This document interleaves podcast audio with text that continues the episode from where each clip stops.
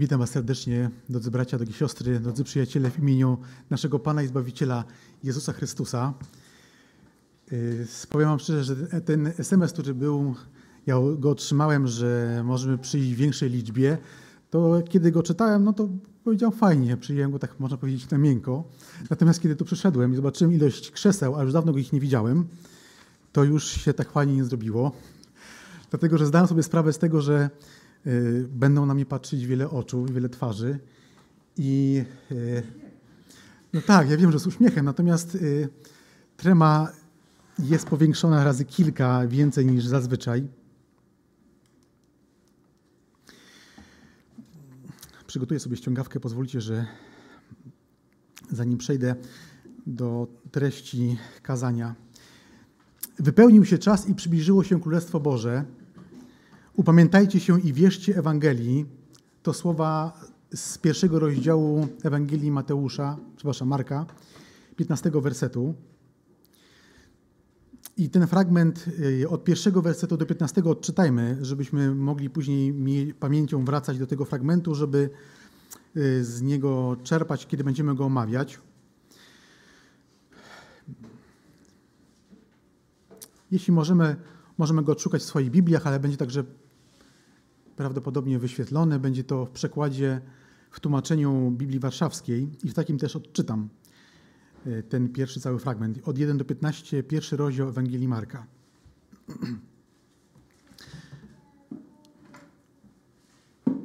Początek Ewangelii o Jezusie Chrystusie, Synu Bożym, jak napisano u Izajasza proroka, oto posyłam mego anioła przed Tobą, który przygotuje drogę Twoją, głos wołającego na pustyni, gotujcie drogę pańską, prostujcie ścieżki Jego.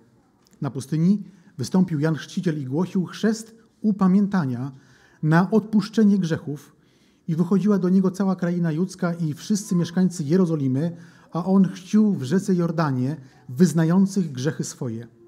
A Jan miał na sobie odzienie z sierści wielbłądziej i pas skórzany wokół bioder swoich i jadał szarańcze i miód leśny. A głosił mówiąc, idzie za mną mocniejszy niż ja, któremu nie jestem godzin schyliwszy się rozwiązać rzemyka u sandałów jego. Ja chrzciłem was wodą, on zaś będzie chrzcił was duchem świętym. I stało się w owe dni, że przyszedł Jezus z Nazaretu Galilejskiego i został ochrzczony przez Jana w Jordanie i zaraz, kiedy wychodził z wody, ujrzał rozstępujące się niebiosa i ducha nań stępującego jako gołębica. I rozległ się głos z nieba. Tyś jest mój syn umiłowany, którego sobie upodobałem. I zaraz powiódł go duch na pustynię i był tam na pustyni czterdzieści dni, kuszony przez szatana i przybywał wśród zwierząt, a aniołowie służyli mu. A potem, gdy Jan został uwięziony, przyszedł Jezus do Galilei, głosząc Ewangelię Bożą i mówiąc, wypełnił się czas i przybliżyło się Królestwo Boże. Upamiętajcie się i wierzcie Ewangelii. Ten fragment dzisiaj rozważymy. Już pierwsze zdanie jest niezwykłe w tym sprawozdaniu Marka. W tym pierwszym zdaniu Marek stwierdza, co zacytuję teraz z, z Biblii Uwspółcześnionej Gdańskiej, Ewangelia Jezusa Chrystusa, Syna Bożego. Marek od samego początku mówi o tym, jaki jest cel jego dzieła. W tamtych czasach modne też były takie dobre rady, jak sobie poprawić życie, bardziej może nie w formie pisemnej, tylko w formie oratorów, którzy odwiedzali poszczególne miasta w Imperium Rzymskim i byli świetnymi krasomówcami i dobrze przekonywali ludzi o tym, jak sobie poprawić życie, żeby one było bardziej etyczne, bardziej moralne, ale Marek tego nie robi. Marek od razu mówi, że mówi o dobrej nowinie, o Ewangelii, nie o zbioru, zbiorze dobrych rad na dobre życie, tylko o Ewangelii, którą jest konkretna osoba. Tą osobą jest Jezus, Jezus Chrystus. Później od drugiego wersetu do 15 Marek przedstawia kilka argumentów, które mają udowodnić czytelnikowi. Tym czytelnikiem głównie miał, miał być odbiorca jego Ewangelii poganin, Rzymianin albo Grek. I pokazuje tam, że Jezus Chrystus, jest, że Jezus jest Chrystusem i że Jezus z Nazaretu jest Synem Boga. Miało to szczególny również wyraz, to określenie dla świata rzymskiego. Malek stwierdza, nie, nie podaje różnych rodowodów, nie rozwija tej myśli bardzo mocno, yy, pomija wstępy, stwierdza ten fakt, a dopiero później pisze, że odnosi się do tego w tym kwestii do, do yy, proroctw. Zaraz o nich też powiemy.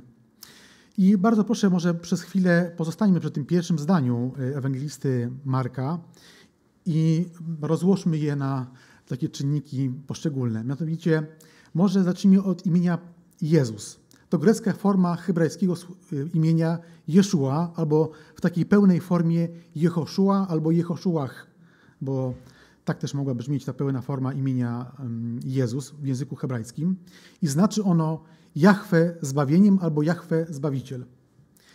A Chrystus to grecka forma słowa hebrajskiego Mesajach, czyli Mesjasz, to jest spolszczenie, ale w tłumaczeniu mamy słowo namaszczony.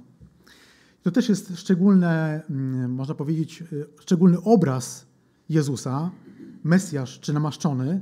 Jest to urząd Pana Jezusa jako króla królestwa, które ma nadejść, a w zasadzie już nadeszło w Jego osobie, bo skoro przyszedł król, to jest obecne też królestwo. Teraz zajmiemy się trochę dłużej określeniem Syn Boży. To określenie Syn Boży to afirmacja boskości Pana Jezusa.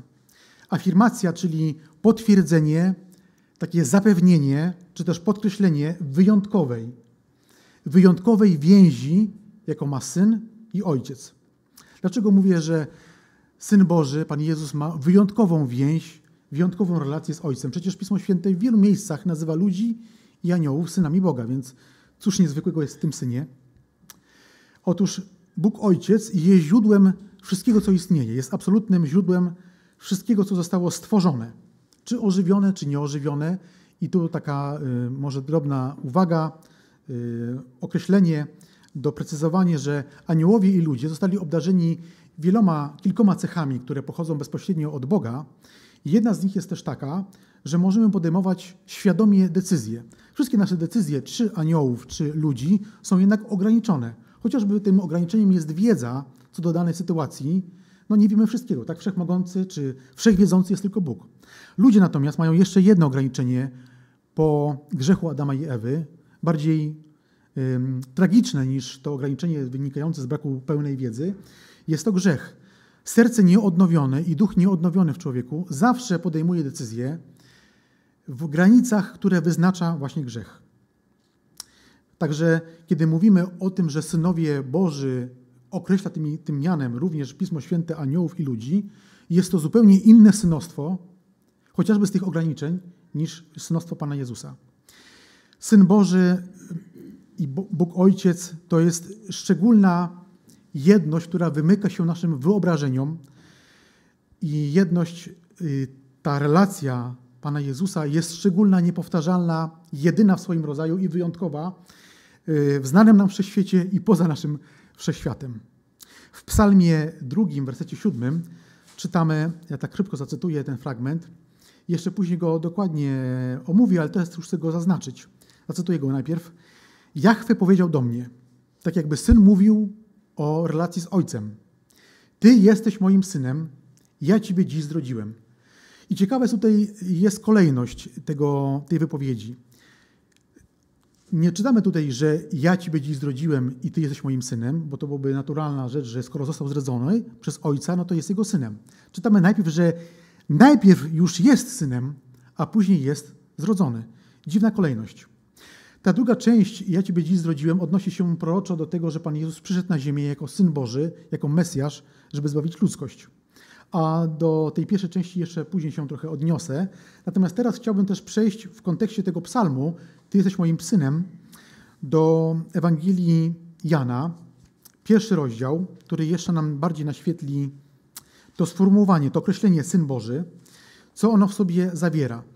Czytając y, tą Ewangelię, Ewangelię Jana, czy też Marka, możemy tak szybko przejść nad tymi, nad tymi stwierdzeniami. No, Syn Boży, no to jest taka oczywiste, oczywiste stwierdzenie, staje się to tylko hasłem. Ale co się pod nim kryje, teraz może rozważmy. Pod tym hasłem, które mówi nam o tym, że jest to szczególna więź ojca z synem która przekracza wyobrażenie e, naszego ludzkiego widzenia tej sprawy. Ewangelia Jana, pierwszy rozdział, wersety pierwszy, drugi, czternasty i osiemnasty, Te cztery wersety wybrałem po to, żeby przedstawić właśnie tą niezwykłą więź. Zanim je odczytam, to tylko chciałbym wspomnieć, że w pierwszym i drugim wersecie pierwszego rozdziału Jana jest słowo, które mamy przetłumaczone na słowo być. Jest to bezokolicznik, tak, być, ale oddane jest w naszych Bibliach w trzeciej osobie liczby pojedynczej, czyli było słowo, tak, tak czytamy. Zaraz do tego przejdę. Natomiast w przekładzie, który będę cytował, jest tutaj rodzaj męski, czyli nie było rodzaj nijaki, tylko od razu oddano to jako rodzaj męski był. Posłuchajmy tego tłumaczenia. Możemy to śledzić we własnych Bibliach jako porównanie. Na początku był Słowo, a Słowo był u Boga i Bogiem był Słowo. I drugi werset. On był na początku u Boga. To y, sformułowanie od razu pokazuje, że mówimy o jakiejś osobie. To słowo to nie coś, tylko ktoś. Ciekawe, że to słowo, ta osoba był już u Boga, kiedy nastąpił początek. Tak czytamy w pierwszym wersecie, w pierwszym zdaniu. I Jan tutaj bezpośrednio odnosi się do Księgi Rodzaju 1.1, gdzie czytamy, że Bóg na początku, Bóg stworzył niebo i ziemię. Jeśli zaczął Bóg stwarzać od niebios i ziemi swój, zaczął się wtedy początek, a czytamy, że słowo było już wtedy u Boga, więc nie mogło być początkiem, tylko było przed tym początkiem. Początkiem było stworzenie, można powiedzieć, z takiej fizyko, z fizycznej części, z naukowej takiej części e, spojrzenia, że było, było to stworzenie czasoprzestrzeni, w której zaistniała materia i przestrzeń, gdzie Bóg stwarzał planety, gwiazdy, ziemię, ludzi itd. Tak Ale jeśli słowo było wcześniej, to nie było częścią tego, częścią tego początku. Co było przed początkiem? Przed początkiem był Bóg i była wieczność. Bo nie było początku, istnieje Boga i nie ma jego końca. Więc ten, to słowo, ten syn, który był Bogiem, jak czytamy w pierwszym wersecie, był razem z Ojcem od początku. Czyli cały czas. Bo początkiem jest tylko i wyłącznie akt stwarzania. Zobaczmy 14 i 18 werset. A słowo stał się ciałem i mieszkał wśród nas, i widzieliśmy jego chwałę jako chwałę jednorodzonego, jednorodzonego od Ojca, pełne łaski i prawdy. I 18. Boga nikt nigdy nie widział, jednorodzony syn, w innych przekładach jednorodzony Bóg. On jest w łonie, albo też na łonie Ojca. On nam o nim opowiedział. Zatem określenie Syn Boży to podkreślenie boskości Pana Jezusa. W języku opisującym e, ludzkie relacje można powiedzieć, że Syn Boży to opis boskiego pochodzenia, boskiego pokrewieństwa Syna od Ojca. E, mój syn, no nie mam syna, mam córki, ale moje dzieci są ludźmi tak samo jak ja. E, nie są wróblami, tylko są ludźmi. Tak samo Syn Boży nie może być innego rodzaju jak ten, który jest jego ojcem, czyli również boski gdyż słowo Bóg nie oznacza tylko określenia jakiegoś tytułu, tylko jest to określenie rodzaju. Mamy określenie człowiek, mamy określenie zwierzę, określenie rodzaju tej istoty jest słowo Bóg. Więc syn Boga jest Bogiem, nie ma tutaj możliwości na inną koncepcję. Y, jeszcze chciałbym tutaj połączyć tą, y, te fragmenty w takim jakby ludzkim spojrzeniu, gdybyśmy popatrzyli na to, że Bóg rodzi syna, tak, jednorodzony i też jest ten syn w łonie, czy na łonie ojca, a czytaliśmy też dzisiaj e, chociażby wcześniej z Ewangelii Jana czwartego rozdziału, że Bóg jest duchem, to znaczy, że jest wszędzie, w całym znanym nam wszechświecie i poza nim cały wszechświat jest jakby, jak mówi też Pismo Święte, stworzony w Bogu, więc Bóg jest wszędzie. Oczywiście mamy takie opisy Pisma Świętego, gdzie Bóg jest pokazany gdzieś na tronie, dostojna osoba, król władający wszechświatem, ale jest to tylko obraz. Realność duchowa jest taka, że Bóg wypełnia w sobą wszystko. Wszędzie jest Bóg. Co to powoduje? To powoduje, że nie możemy tak bezpośrednio przełożyć słowa jednorodzony i słowa łono na obraz Boży, bo Bóg nie ma takich części ciała, gdyż nie ma takiego ciała.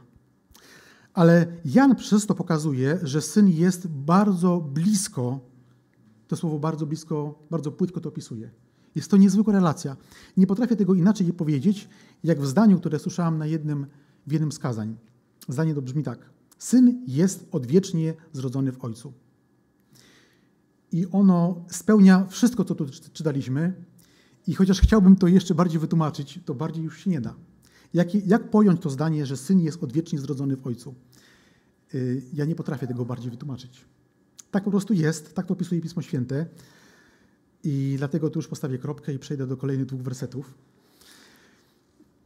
I przypomnę, jak one brzmią. To jest pierwszy, to jest drugi, trzeci. Jak jest napisane u proroków, albo w, przetłumaczenia, w innym tłumaczeniu u Izajasza, oto ja posyłam mego posłańca przed Twoim obliczem, ja posyłam przed Twoim obliczem, który przygotuje Twoją drogę przed Tobą. Głos wojącego na pustyni, przygotujcie drogę Pana, prostujcie Jego ścieżki. I zauważyliśmy, że w zależności od tłumaczenia mamy tutaj fragment oddany przez u proroków albo, przez, przez, albo u Izajasza.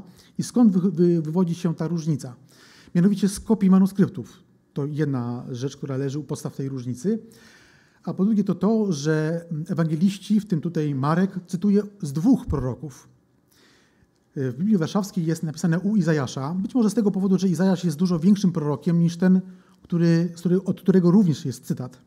Mianowicie Marek cytuje z dwóch proroków, z Malachiasza, trzeci rozdział, pierwszy werset i z Izajasza, 40 rozdział, trzeci werset. I to w takiej kolejności. Najpierw Malachiasz, który jest ostatnim prorokiem Starego Testamentu, a później Izajasz. Izajasz o tyle mógł się, jakby jest tutaj wymieniany raz, że jest większym prorokiem, dwa, że też się mógł kojarzyć chociażby niektórym poganom. Z tego powodu mogli znać Izajasza, że chociażby Izajasz właśnie zapowiedział Cyrusa i to z imienia. Setki lat przed jego podbojami zapowiedział, że Cyrus podbije Babilon, zanim jeszcze Babilon był imperium.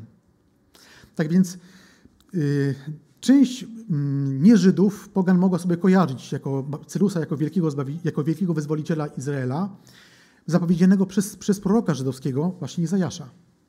Ale co ciekawe, u Malachiasza i Izajasza czytamy o zapowiedzi przyjścia do Żydów samego Boga Jahwe. Tak jakby sam Bóg Jahwe zapowiadał swoje same przyjście. Porównajmy może to, co cytuje mm, Marek, z tym, co znajdujemy, jakby jego cytat w księgach Starego Testamentu. Mianowicie czytaliśmy tutaj w drugim rozdziale, przepraszam, w drugim wersecie, oto ja posyłam mego posłańca przed Twoim obliczem. Przejdźmy teraz do Malachiasza, trzeci rozdział, pierwszy werset. I tu mamy napisane, oto ja posyłam mojego posłańca, albo anioła, to zależy od przykładu, który przygotuje drogę przed moim obliczem. Z czego wynika ta różnica, że wpierw Bóg mówi, przygotuje posłańca, który będzie przed Twoim obliczem, a przed moim. Różnica wynika stąd, że Żydzi dokonali jakiś czas przed, przed Jezusem tłumaczenia z, z hebrajskiego na grekę Starego Testamentu. Była to Septuaginta. I w Septuagincie właśnie, na którą powołuje się, do którą cytuje Marek, tam jest tak właśnie oddane, że y, Bóg mówi, że przygotowuje drogę dla Mesjasza przed Jego, przed Twoim obliczem. Natomiast w hebrajskim oryginale mamy napisane, że Bóg Jahwe zapowiada, że sam przyjdzie, dlatego będzie posłaniec, Jan Chrzciciel, który przygotuje drogę przed jego obliczem. Ale zobaczmy na drugie zdanie z Księgi Malachiasza, trzeci rozdział, pierwszy werset. I nagle przybędzie do swojej świątyni Jahwe. Jest tu zmiana narracji. Tak jakby Bóg Jahwe mówił o sobie, w trzeciej osobie On przyjdzie. Nagle przyjdzie do swojej świątyni Bóg Jahwe, którego wy szukacie, posłaniec przymierza, anioł przymierza, inne przykłady to oddają, czyli Pan Jezus, którego wy pragniecie. Oto przyjdzie, mówi Jahwe zastępów. Tak to przedstawia Malachiasz, a Izajasz, 40 rozdział, trzeci werset. Głos wołającego na pustyni, przygotujcie drogę Jahwe, prostujcie na pustyni ścieżkę naszego Boga. Izajasz wprost mówi o tym, że trzeba się uporządkować, prostować ścieżki, bo przyjdzie sam Bóg.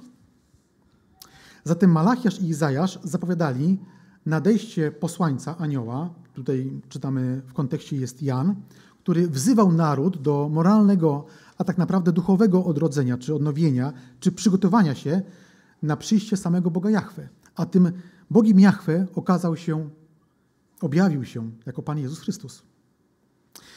Jeszcze taki dodatkowy wniosek dla dzisiejszych chrześcijan, którzy czytają Pismo Święte. Y, chodzi mi tutaj o Stary Testament. Y, staramy się czasami czytając do, poznać kolej takie dodatkowe czy dogłębnie, dogłębne szczegóły opisujące Abrahama, y, Mojżesza, innych mężów i niewiasty wiary. I to jest dobry cel, żeby czytać Pismo Święte, Stary Testament, ale lepszy cel, który można sobie tutaj też postawić, to który będzie jakby przekładał się na największe korzyści, to doszukiwanie się w tych historiach osoby Pana Jezusa. Dlatego, że Pan Jezus w rozmowie z faryzeuszami powiedział o pismach, mając na myśli pisma hebrajskie, czyli Stary Testament, że one składają świadectwo o mnie. Ewangelia, Ewangelii Jana, 5 rozdział, 39 werset.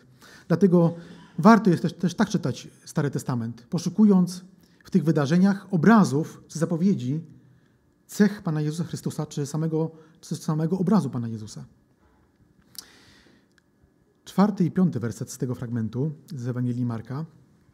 Jan chrzcił na pustyni i głosił chrzest pokuty, upamiętania lub też nawrócenia, jak oddaje to Biblia Tysiąclecia, na przebaczenie grzechów i wychodziła do niego cała kraina judzka i mieszkańcy Jerozolimy i wszyscy byli ochrzczeni przez niego w rzece Jordan, wyznając swoje grzechy.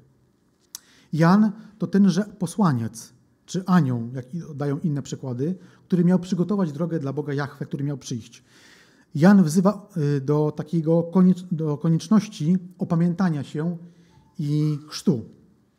Chociaż Żydzi praktykowali chrzest, na przykład obmywali naczynia różne w swojej ceremonii religijnej, sami też się y, myli czy kąpali, ale to nie chodziło tylko o to, żeby obmyć ciało, ale były to obmycia ceremonialne. Co więcej, poganie z czasów Pana Jezusa też praktykowali takie ceremonie jak obmywanie.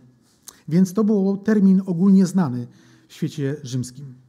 Jednak to, co głosił Jan, było niezwykłe i trzeba powiedzieć, że wywrotowe dla Żydów. Dlaczego? Otóż chrzest był dedykowany jako jednorazowy akt dla poganina, który chciał przyjąć religię Hebrajczyków. No to się obrzezywał i musiał się ochrzcić. Było to przyjęte jako dla poganina, który stało się prozelitą. Ale Jan twierdzi, że wszyscy bez wyjątku, nawet ten naród, który jest objęty przymierzem, nawet ci ludzie, czyli jego rodacy Żydzi, muszą się ochrzcić, żeby przygotować się na przyjście Boga. I z całą pewnością dla wielu to był zgrzyt, że zrównuje ich wobec Boga z innymi poganami. Jan chrzcząc wymagał najpierw wyznania grzechu, czyli postanowienia zerwania z grzechem i odwrócenia się mm, od własnego grzechu, od własnego życia, od własnego y, takiego priorytetu, w którym stawiałbym ja, siebie samego na pierwszym miejscu i zwrócenie się do Boga. Oczywiście trwałe nawrócenie było możliwe tylko dzięki temu, ta stała, trwała pokuta, jest możliwa dzięki temu, że w życiu człowieka zaistnieje czynnik boski, że Bóg doprowadzi do końca to, co człowiek swoją niewielkimi swoimi możliwościami zaczął działać. Ale Jan po to o to mówi, nie dlatego, że cała możliwość nawrócenia jest w rękach człowieka, tylko dlatego, żeby przygotować się na to, że przyjdzie Mesjasz, który dopełni tego dzieła. I wyznanie swoich grzechów był warunkiem, było warunkiem e, ochrzczenia. Dlatego też odmawiał tego chrztu, jak wiemy, uczonym w piśmie. Chodzi tutaj mi o Jana Chrzciciela, że on odmawiał. Ten fakt, że przychodziły tłumy do Jana Chrzciciela, to też dowodzi, że w narodzie, też czytamy to o tym w innych Ewangeliach, kiedy Pan Jezus miał się narodzić, to czytamy o tym, że było pewne wyczekiwanie, że proroctwa wskazują na jakąś zmianę, na przyjście Mesjasza, ale nikt nie mógł dokładnie powiedzieć kiedy.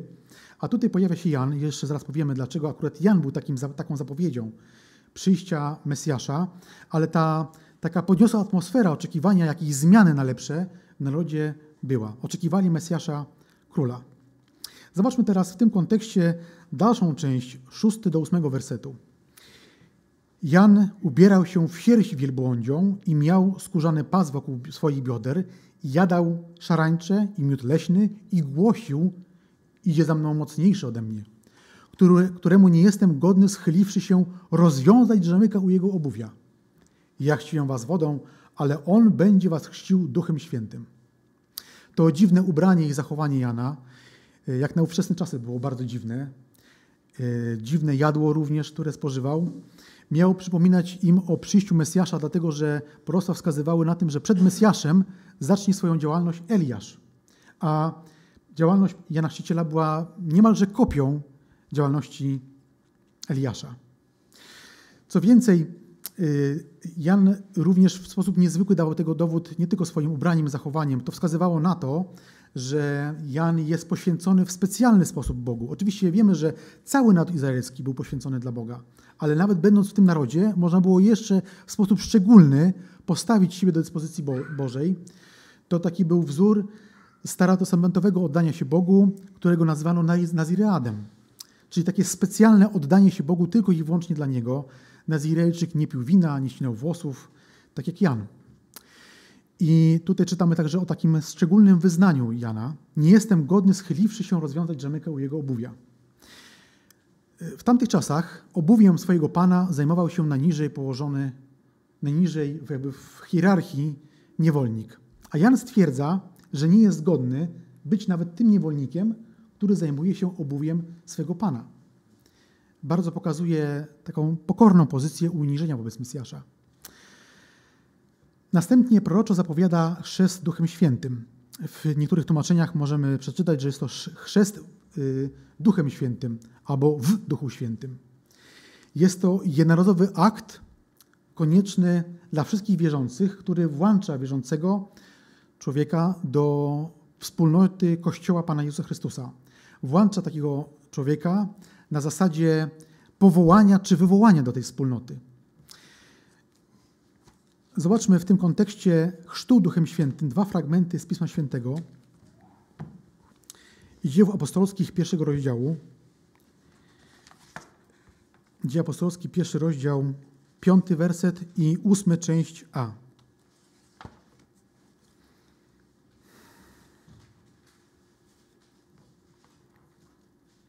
Jan bowiem chrzcił w wodzie, lecz wy po niewielu dniach zostaniecie zanurzeni w Duchu Świętym. To są słowa Pana Jezusa. I 8a, ale otrzymacie moc Ducha Świętego, który przyszedł do was.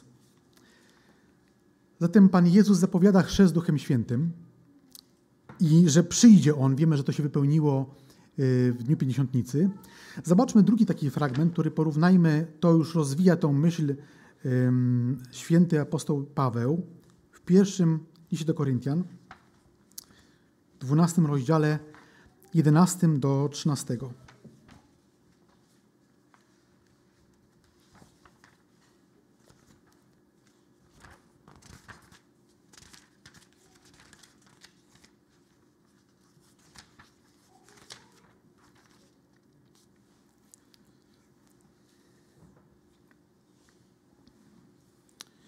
A to wszystko sprawia jeden i ten sam duch, rozdzielając stosownie każdemu tak jak chce, gdyż tak jak ciało jest jedno i członków ma wiele, a członków ma wiele, a wszystkie członki ciała, których jest wiele, są jednym ciałem, tak i Chrystus.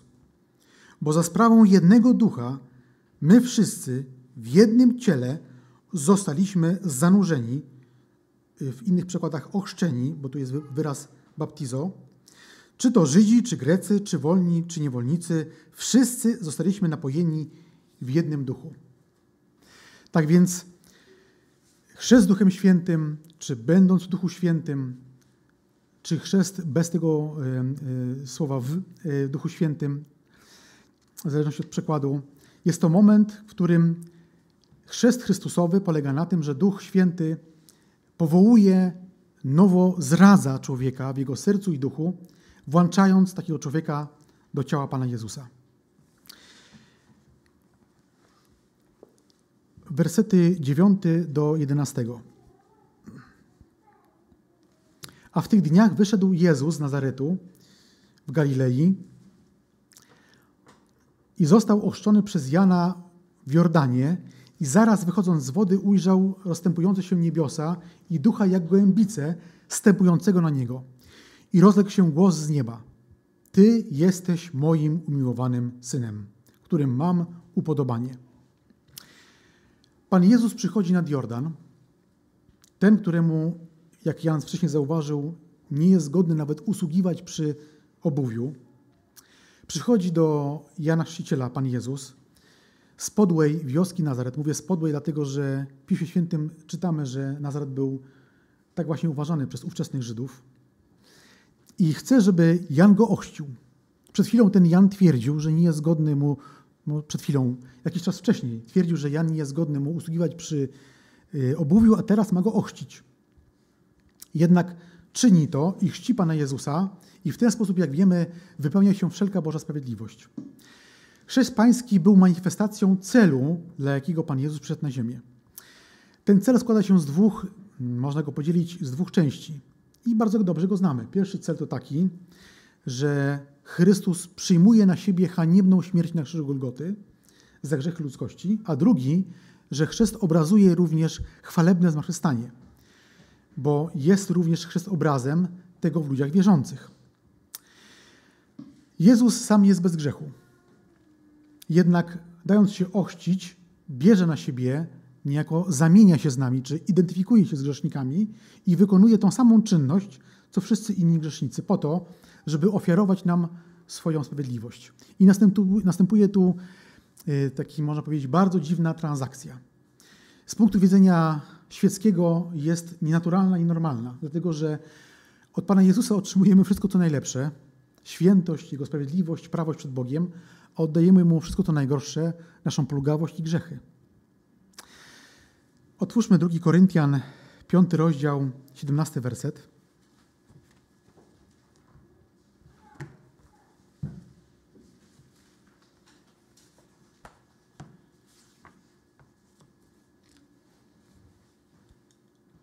Siedemnasty do 21.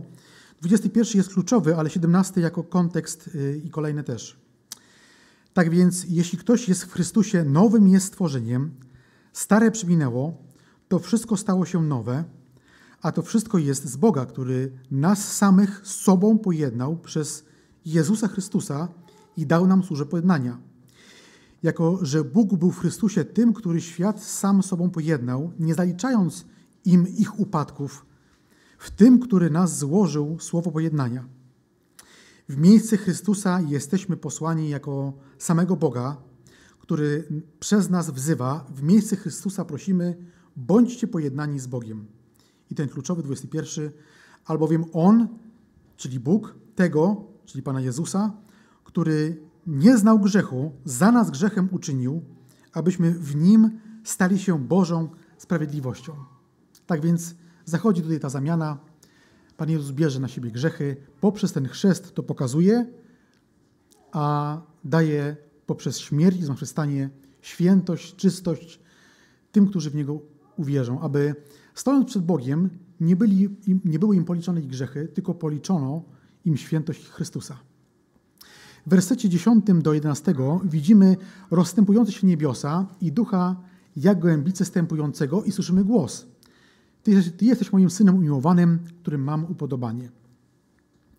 Jest to świadectwo Boga, które, które Bóg przypieczętowuje Duchem Świętym i swoim głosem, tym co powiedział, poświęcenie Pana Jezusa do, mm, jako takiego jako posłańca czy anioła przymierza. I komentarze, kiedy y, szukałem myśli w komentarzach dotyczących tego fragmentu, komentarze zgodnie mówią, że możliwe jest, że jak Żydzi postrzegali, z czym sobie kojarzyli akt Ducha Świętego jak gołębice i głos z nieba. Są cztery takie skojarzenia, które mogły się pojawić w umysłach Żydów. Po pierwsze, gołębica mogła się kojarzyć z gołębicą z Arki Noego, która została wysłana po to, żeby zapowiedzieć Noemu nowe życie w nowych realiach. Pan Jezus y, jest namaszczony Duchem Świętym, który zapowiada nowe przymierze, które jest w Panu Jezusie. Po drugie, nawiązuje, to skojarzenie mogło nawiązywać do y, wydarzenia z góry, z z góry Moria. Odczytam, co tam się, mogło, co tam się wydarzyło. Rodzaju 22.2 i Bóg powiedział do Abrahama: Weź teraz swego syna, twego jedynego, którego miłujesz, Izaaka, i do ziemi Moria i tam go złóż na całopalenie na jednej górze, o której ci powiem. Z tym też sobie mogli skojarzyć to wydarzenie. Trzecie nawiązuje do psalmu drugiego, werset siódmy. Już go czytałem, ale go przypomnę.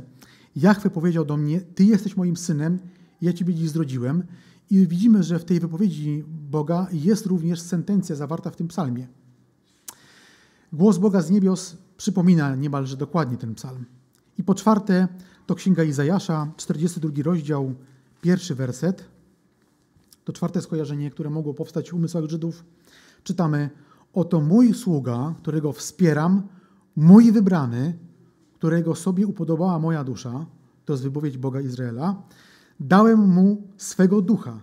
Dałem mu swego ducha, on przyniesie narodom sąd. I w kontekście Ducha Świętego, y, który prowadził Pana Jezusa, czy namaścił do służby, wstępując w tym momencie po chrzcie, należy zauważyć, że, że w naszej służbie dla Pana Jezusa poleganie na Duchu Świętym jest nieodzowne. Pan Jezus w pełni polegał na Duchu Świętym, to jakże bardziej, nieporównywalnie bardziej, nieporównywalnie bardziej my powinniśmy. Bez względu na to, jakie jest nasze wykształcenie, nasze umiejętności, osobiste cechy czy jakieś utalentowania, Duch Święty to podstawa uzdolnienia nas do działania dla Pana Jezusa. I tutaj chciałbym też się odnieść w takiej uwadze do kazania sprzed kilku tygodni. Mam tu zapisane 23 maj. Możemy je sobie odszukać na koncie YouTube, y, na koncie YouTube'owym y, naszego kościoła. Odnoszę się do tego w kontekście Ducha Świętego, że tam brat Romek też mówił o Duchu Świętym i powtórzę to, co tam też zostało podkreślone. W kontekście prowadzenia człowieka przez Ducha Świętego. Po pierwsze, Duch Święty nie przejmuje całkowitej, obezwłasniającej kontroli nad człowiekiem.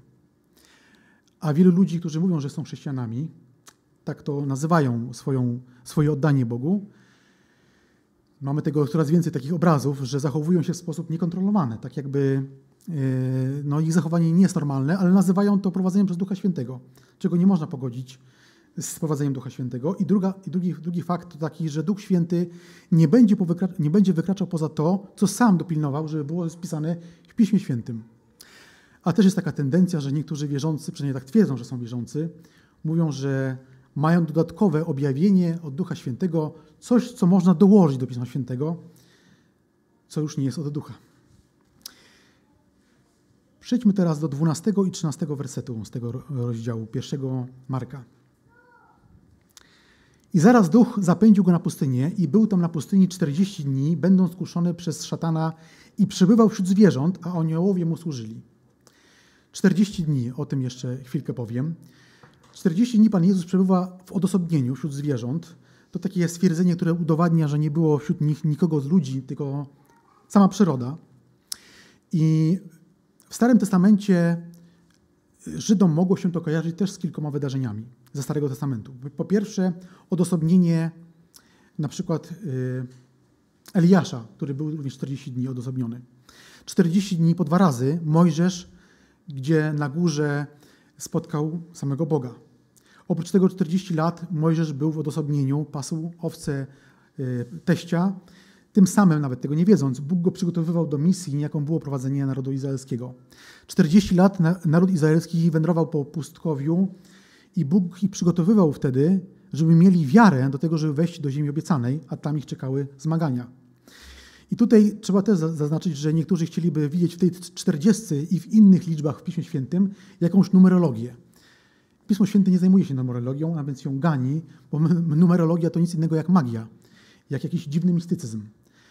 Chodzi o to, że te 40 dni Pana Jezusa było tylko obrazem tego, że tenże człowiek przygotowuje się, czy przygotowywał się przez ten czas do specjalnej misji, jakim było odkupienie ludzkości.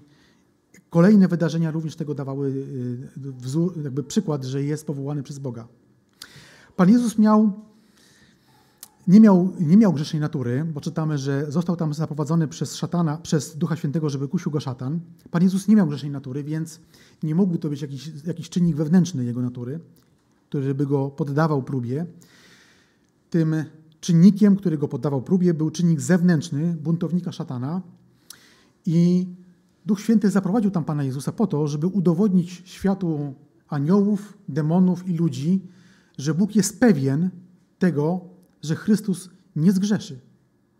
Ale żeby to udowodnić, musiała być taka próba jawnie przedstawiona. Dlatego Duch Święty go tam prowadzi. I Pan Jezus udowodnił, że jest czysty, święty, nieskalany i w pełni odpowiadający Bożym wymaganiom, boskiej woli, jeśli chodzi o pełną zapłatę za wszystkie grzechy wszystkich ludzi. Tą sytuację z kuszeniem też można przenieść na nasze życie. Y, czym bliżej Pana Jezusa, tym bardziej możemy być pewni tego, że również będziemy poddani kuszeniom. Dlatego, że nasze zachowanie przybliżenie się do Pana Jezusa nie pozostaje bez reakcji w świecie ciemności. To nie jest y, powód do zadowolenia szatana i demonów. Więc naszą, naszą wiarę czy oddanie też należy poddać próbie, chociażby z tego powodu, żebyśmy mogli my zobaczyć, w czym jesteśmy silni, jakie elementy Duch Święty przy naszej współpracy już wypracowaliśmy i w jakich jeszcze ulegamy. Bez próby nie jesteśmy w stanie stwierdzić, czy jakaś budowla, czy jakaś maszyna, urządzenie, w tym również nasza wiara jest słuszna czy mocna e, w swojej budowie. Sama pokusa nie jest grzechem. Grzechem jest, czy to w czynie, czy w myśli, uleganie tej pokusie. I tu trzeba stwierdzić, że oczywistym jest, że niemożliwością jest, by odeprzeć pokusę i grzech o własnych siłach. Tylko w mocy łaski Ducha Świętego, mocy łaski Ducha Pana Jezusa możemy poradzić sobie swoimi myślami, swoją upadłą naturą i zgasić wszystkie płonące pociski szatana, jak mówi Pismo Święte. Teraz na koniec rozpatrzmy mm, przez chwilę jeszcze te ostatnie dwa zdania, 14 i 15 werset. Lecz potem, gdy Jan został stracony, wtrącony do więzienia, Jezus przyszedł do Galilei, głosząc Ewangelię Królestwa Bożego i mówiąc, wypełnił się czas i przybliżyło się Królestwo Boże, pokutujcie i wierzcie Ewangelii. W wersecie 14 czytamy tutaj, taka, to jest taki przeskok, można powiedzieć, między służbą Pana Jezusa, która się rozpoczęła od Galilei, my od razu przechodzimy do Judei. Kiedy dzisiaj czytaliśmy fragment, który, który śledziliśmy w czwartym rozdziale y, Ewangelii Jana, czytany przez Piotra, powrócę jeszcze raz na chwileczkę do tego fragmentu, to ewangelista Jan mniej więcej od y, drugiego rozdziału 13 wersetu do czwartego rozdziału czwartego wersetu mówi o tej części służby Pana Jezusa zaraz po chrzcie w Judei, którą pomija Łukasz, Mateusz i Marek. Między innymi też w tej części między drugim a czwartym rozdziałem mamy pierwszy cud w Kanie.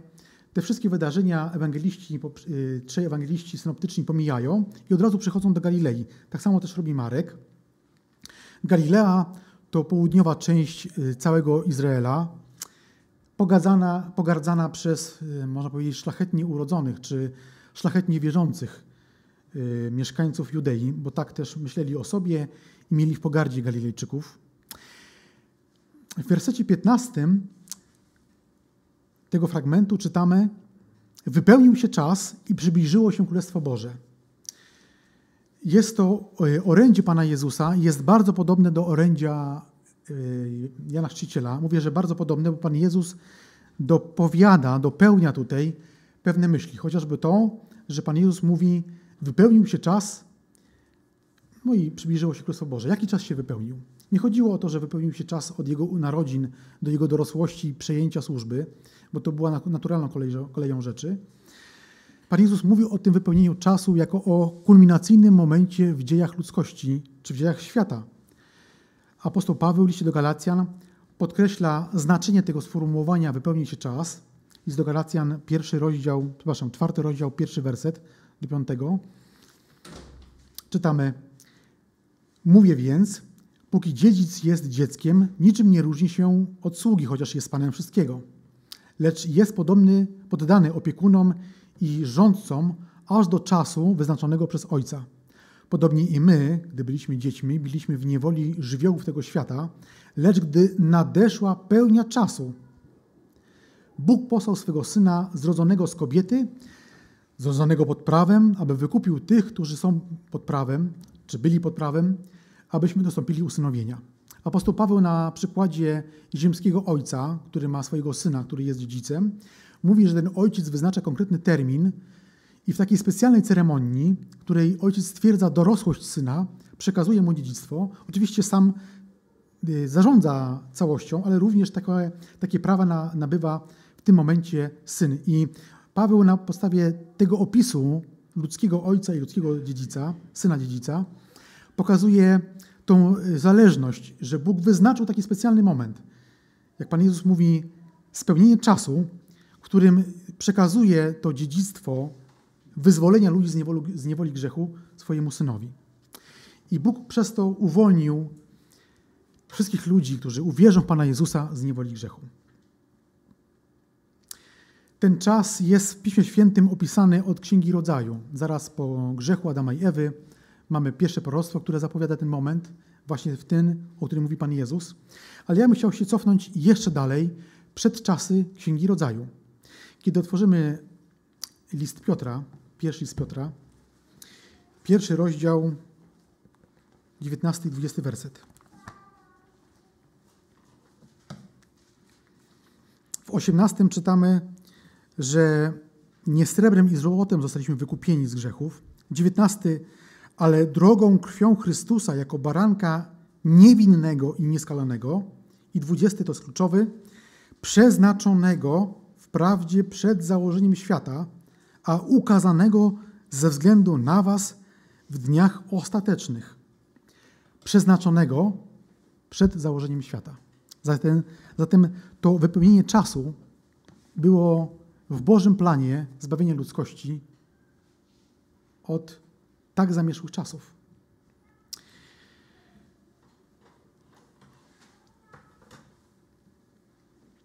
Pan Jezus w rozmowie z swoimi uczniami, mamy to zapisane, tą ostatnią rozmowę w dziejach apostolskich w pierwszym rozdziale, w wersecie szóstym i siódmym, kiedy uczniowie go pytają, Panie, czy w tym czasie przywrócisz Królestwo Izraelowi? Oni spodziewali się, że kiedy teraz Chrystus zmartwychwstał, ma chwalebne ciało, te swoje boskie możliwości, to może teraz właśnie pokona Rzym i ustanowi królestwo i oni z nim będą mogli królować.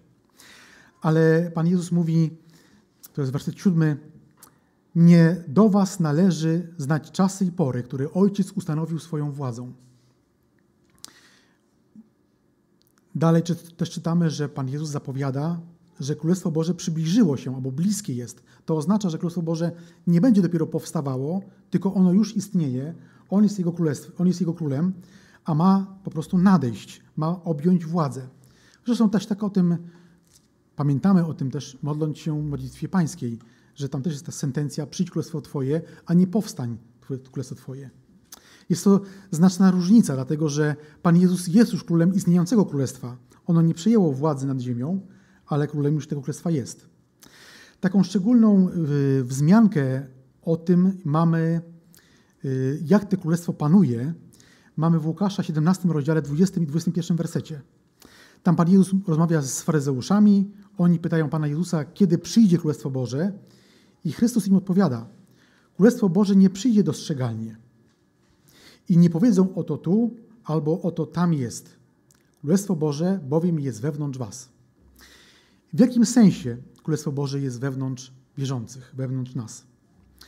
Żydzi spodziewali się, nie tylko faryzeusze, ale również uczniowie, wszyscy Żydzi spodziewali się, że przyjdzie Mesjasz, zdmuchnie nieprzyjaciół, ustanowi swoje królestwo na tysiąc lat i oni będą mogli czerpać no, radość, zyski z tego królestwa.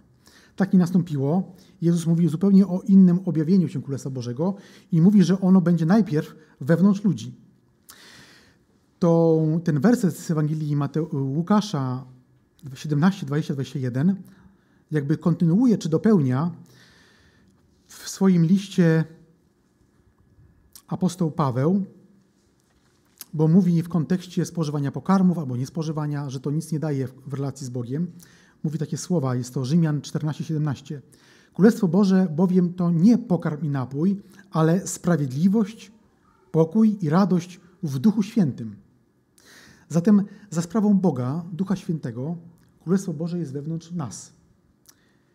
Wewnątrz nas, w naszych sercach, bo ten określenie wewnątrz nas dowodzi, że ono jest w sercach, dlatego że skłania wierzącego człowieka, żeby był posłuszny królowi tego królestwa, Panu Jezusowi. Kiedy wyznajemy to posłuszeństwo słowem albo czynem, czyli swoim życiem, to również wtedy wyznajemy, że jest ono wewnątrz nas, bo jesteśmy całkowicie podporządkowani królowi temu królestwa.